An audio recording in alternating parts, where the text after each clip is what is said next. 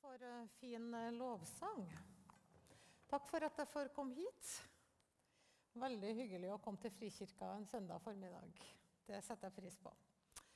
Um, mitt navn er Kjelle Andresen. Jeg jobber til daglig på Trondheim Samtalesenter, som er en del av Salem menighet. Og hører til i Salem menighet, da. Um, jeg har jo fått en uh, veldig hva skal jeg si krevende tekst, en spennende tekst. Uh, og mm, jeg er jo ikke noe teolog, det må jeg nå bare få si med en gang. Uh, og mm, Derfor så blir det ikke en sånn teologisk utgreining om denne teksten. Uh, når jeg fikk forespørsel om å komme hit, så satt jeg grunna lenge på hvordan vinkling skal jeg ha på denne teksten. Uh, og um, Jeg skal komme litt tilbake til det. Men i hvert fall så har jeg lyst til å si det at jeg ønsker ikke at uh, den teksten vi har lest om Jesus og ekteskapet, skal være noe sånn, uh, at det skal oppfattes som noe sånn lettvinte svar på det, for det er det ikke. og Det ser jeg mye av i min jobb òg, at det ikke er noe lettvinte svar på, på når vi har utfordringer i, i samlivet. Det er sjelden, sjelden lettvint. Så det ønsker ikke jeg å snakke lettvint om heller, bare sånn at det er sagt innledningsvis. Men hvis vi går til den teksten, da, så er Jesus i Judea og underviser som han pleier å gjøre, reiser rundt og underviser. Og han, Her møter han også noen av fariserene, og de vil jo til stadighet sette ham på prøve. Og de, de, vil til stadighet prøve å få folket eh, til å bli ikke like Jesus, til å være sint på Jesus eller til å ha en grunn for å anklage han for noen ting. Og På den tida så var det sånn som det er i dag, veldig forskjellig syn på dette med ekteskapet. Um, og på hvilket grunnlag man kan få skilsmissebrev. En politisk gruppe eller en gruppering de tillot skilsmisse for nesten enhver grunn. Mens andre tillot skilsmisse bare ved seksuell urenhet eller utro, seksuell utroskap. Var, de fikk et skilsmissebrev, og det brevet måtte skrives i vitners nærvær. Og det var for å hindre og begrense uvesentlige skilsmisser. Så når de spør om en mann har lov til å skille seg fra sin kone, så er det for å sette Jesus på prøve. For enten han svarer sånn eller sånn, så er det feil i forhold til det fariserene tenker. Men det som Jesus gjør da, når de spør om det her, så snur han det hele på hodet. Han svarer på spørsmålet som han ofte gjør, med å snu ting helt opp ned. Og det er, det er at han sier at um, Han begynner å snakke om ekteskapet istedenfor skilsmissen. Og han henviser til første Mosebok i vers kapittel 2, 24 at mannen skal forlate sin far og mor og bli ett med sin kone. Det å bli ett er å forene seg. Det er som å bli limt sammen. Og det er så sterkt at det ikke skal brytes. Det er en mye sterkere enhet enn foreldre-barn. Og Hensikten med ekteskapet er at det ikke skal brytes. Det er Guds hensikt med det. Og denne usynlige enheten den manifesterer seg i at, at, man ofte får barn. Alle får jo ikke barn, det kjenner vi også til, men det manifesterer seg i det. Men så sier Jesus noe annet i vers 5. Det er fordi at dere har så harde hjerte, eller et hardt hjerte, at Moses skrev dette budet for dere. Andre steder, f.eks. i Matteus 5, hvor det refereres til budene 'du skal ikke bryte ekteskapet', så snakker Jesus om ikke bruk skilsmisse som dekke for egoisme og innfall. Og I det vi ser her, så er det litt utroskap da, som holdes opp som denne skilsmissegrunnen som Moses da har sagt at uh, man kan få skille seg ut ifra. Det er tre ting som er viktige for meg når vi går videre nå. Um, det er noen ganger veldig gode grunner for samlivsbrudd. Og jeg tror at vi ofte tenker at et samlivsbrudd er når man har tatt ut en skilsmisse. For meg er dette samlivsbruddet et mye bredere jeg forstår det som et mye så bredere definisjon. For ekteskapet brytes når vi ikke behandler hverandre sånn som vi burde. Da snakker jeg ikke om alminnelige parforhold og samliv der man eh, kan være litt sint på hverandre, si ting man ikke mener, så, men at man finner ut av det sammen. Men det er samliv og ekteskap hvor mennesker er til veldig stor skade for hverandre. Det fins vold i et ekteskap. Det fins fysisk vold, psykologisk vold, økonomisk vold.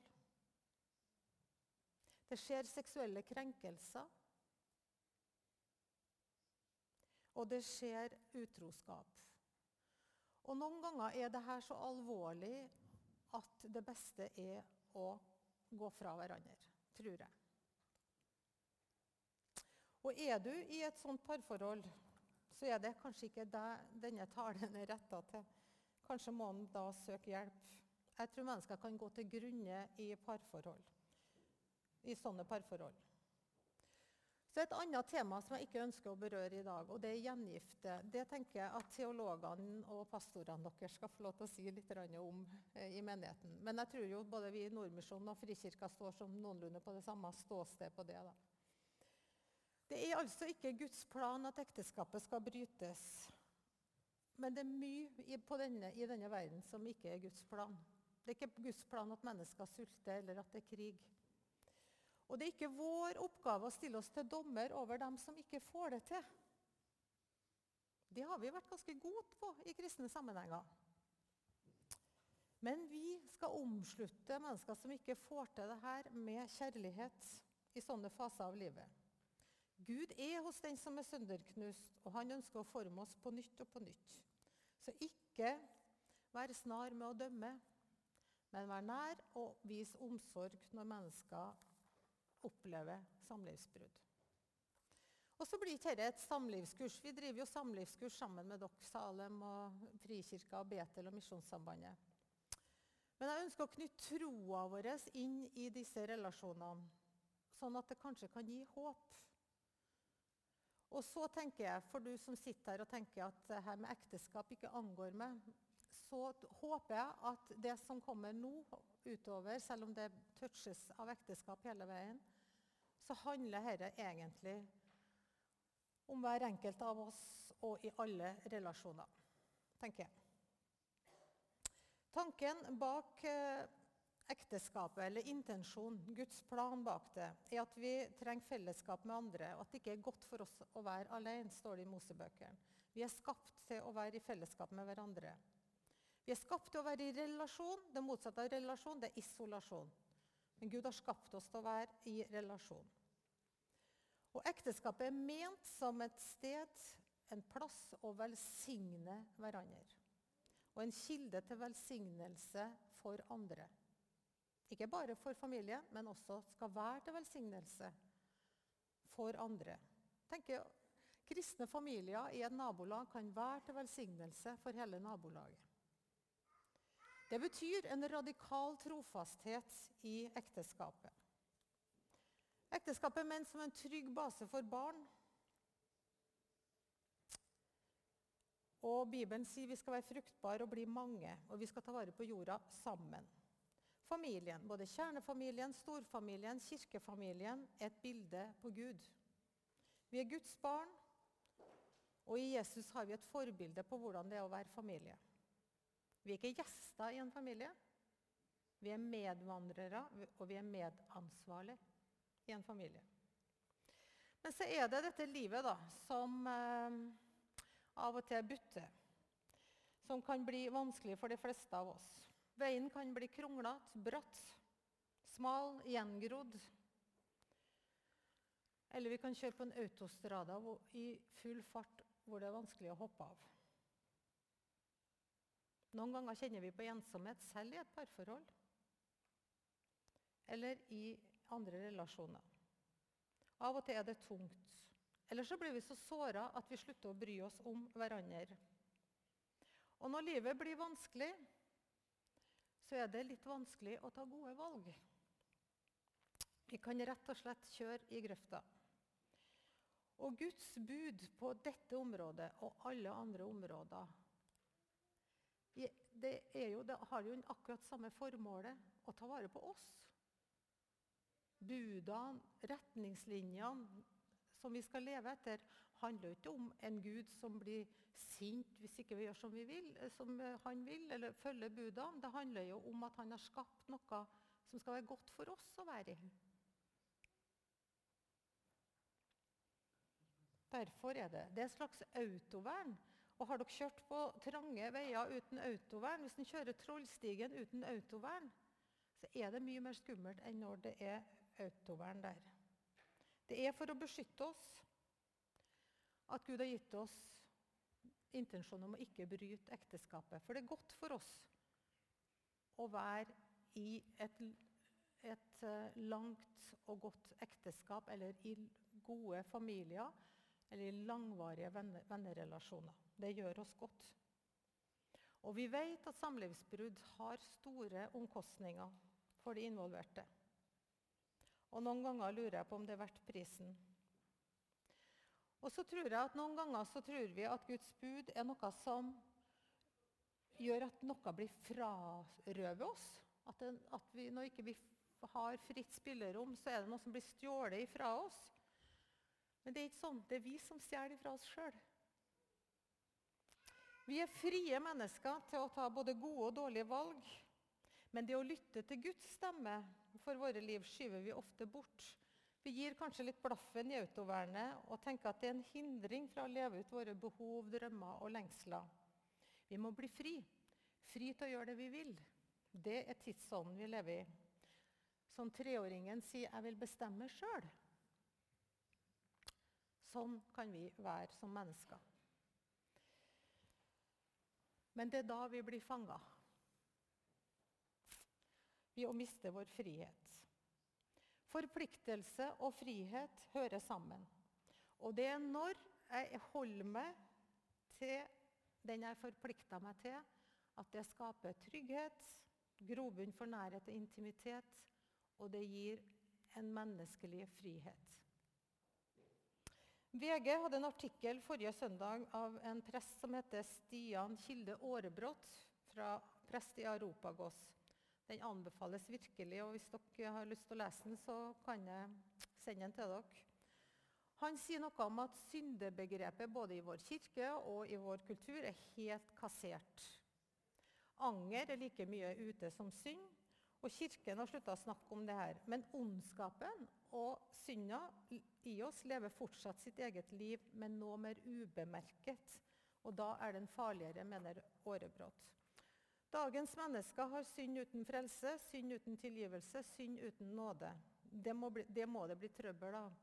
Begrepet synd har aldri stått alene i kirkehistorien. Det peker først og fremst mot nåden. Nå snakker vi om, skriver fortsatt han Årebrot, upassende oppførsel, asymmetrisk relasjon med henblikk på metoo-kampanjen. Ingenting er galt, men vi må dypere til synda i oss. Og Jeg har tenkt mye på i vår tid, den tida vi lever i, denne begrepet SOS. Save our souls. Jeg tror det er et SOS i vår tid, og den artikkelen synes jeg beskriver det veldig godt. Vi later som om mørket i oss ikke eksisterer, og ufarliggjør det. Så jeg tror vi står i større fare for å bevege oss bort fra gode valg. Vi kan fristes av tilsynelatende enkle løsninger på en vanskelig situasjon. Og dersom jeg strever i parforholdet, og dersom jeg har det vanskelig, så kan den kollegaen på jobb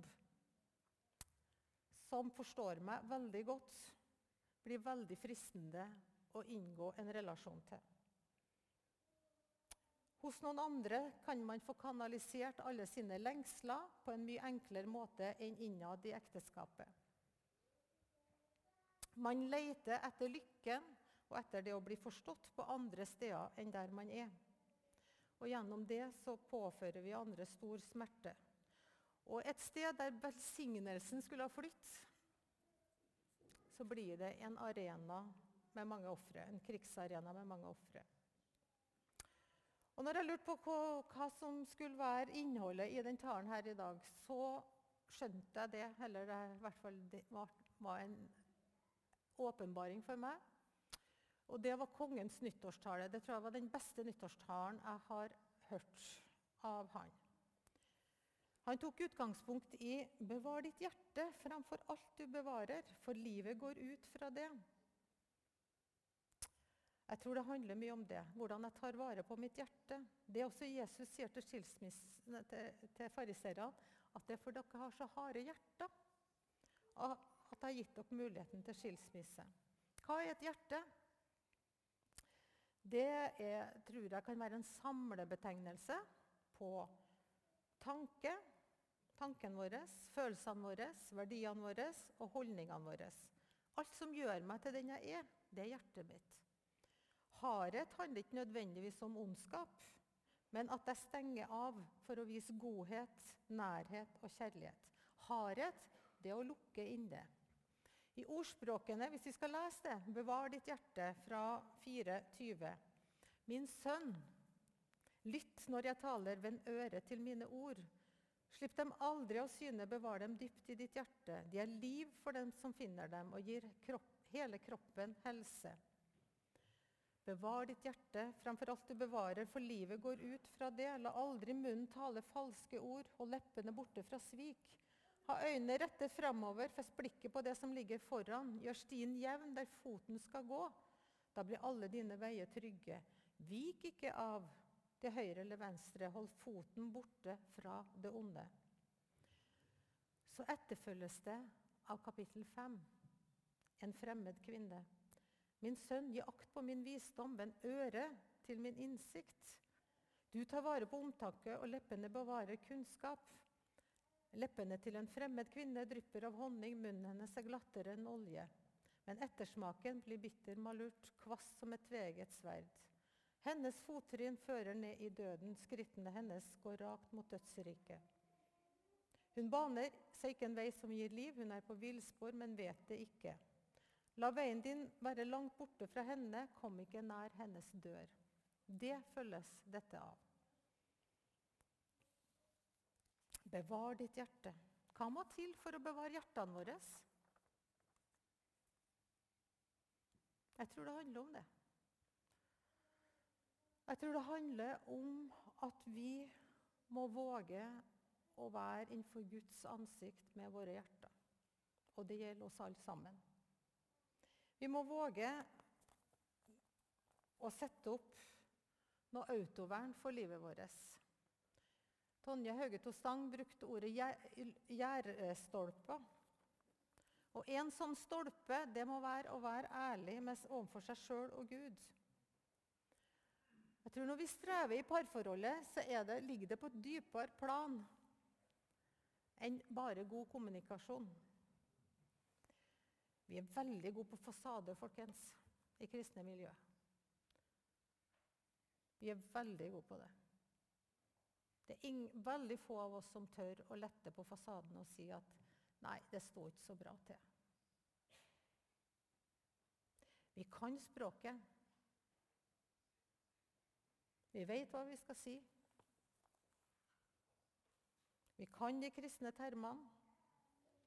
Og vi kan leve lenge uten at noen rundt oss skjønner egentlig hvordan det står til i hjertet vårt. Sånn tror jeg de hadde det bedre før. Vi kan leve på løgner hele vårt liv, men det er ikke godt, det er ikke sunt, og det er ikke rett.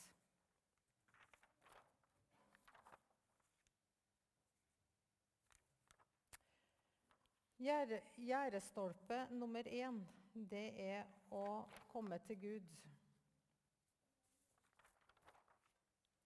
Salme 139. Ransak meg, Gud, kjenn mitt hjerte og prøv å kjenne mine tanker.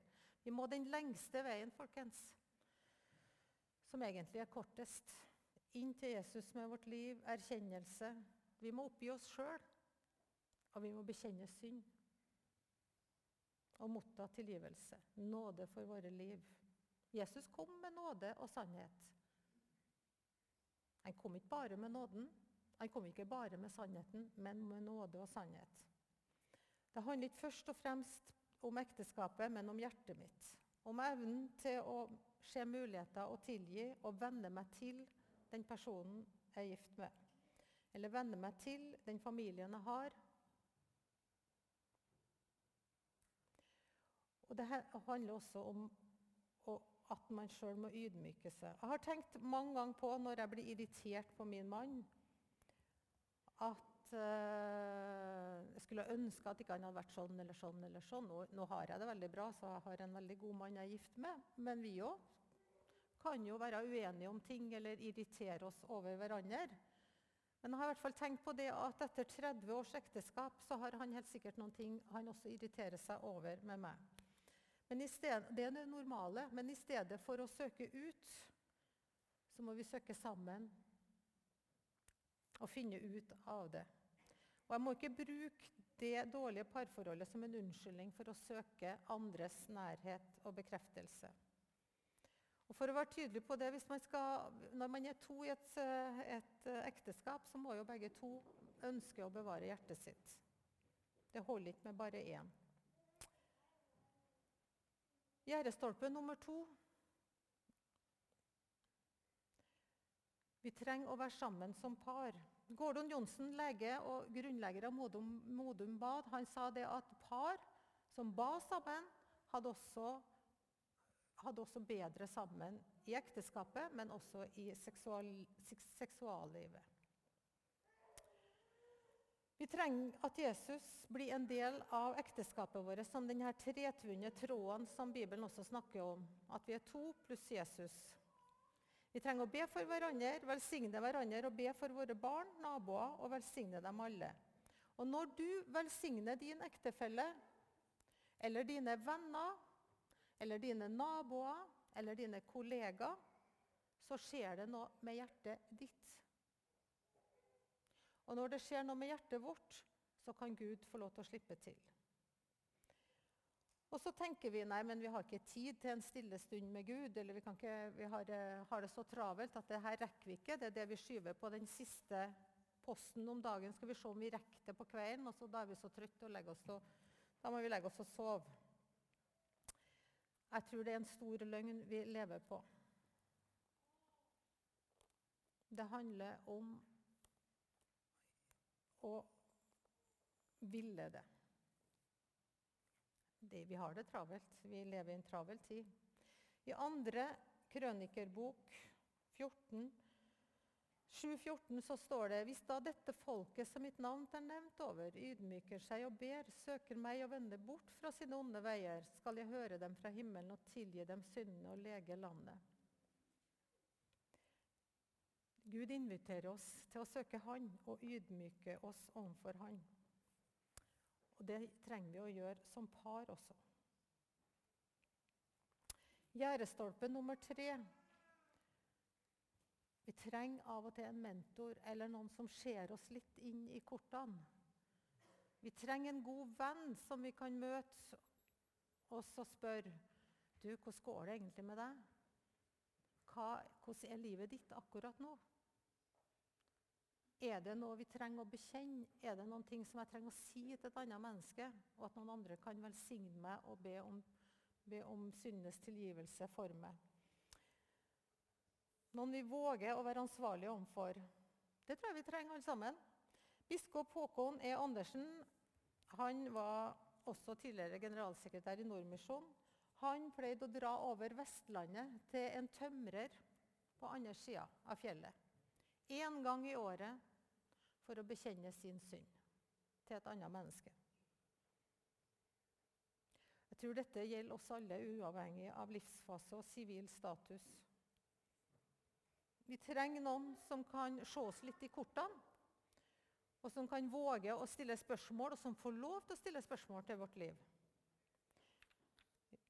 Tåle Guds lys og menneskers lys inn i mitt hjerte og inn i mitt liv. Her òg tror jeg vi har veldig mye å gå på.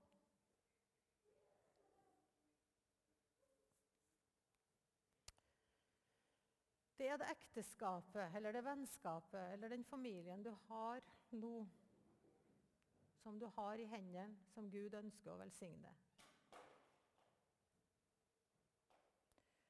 Og vi utfordres til å ta imot det som Gud vil gi dere. Og Det som jeg tenkte jeg skulle avslutte med i dag, selv om det kommer en velsignelse senere i gudstjenesten også, så ønsker jeg å velsigne dere eh, nettopp på de feltene som vi har snakka om.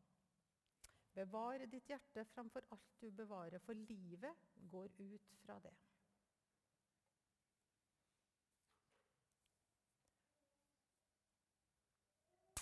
Da kunne jeg tenke meg at um, dere reiser dere.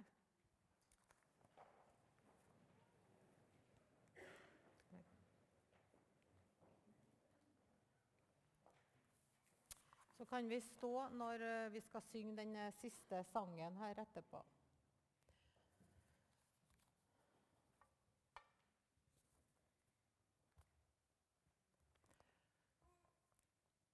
Jeg velsigner dere med Herrens nåde, med fred, med legedom og forsoning i alle ekteskap og i venne- og familierelasjoner i menigheten.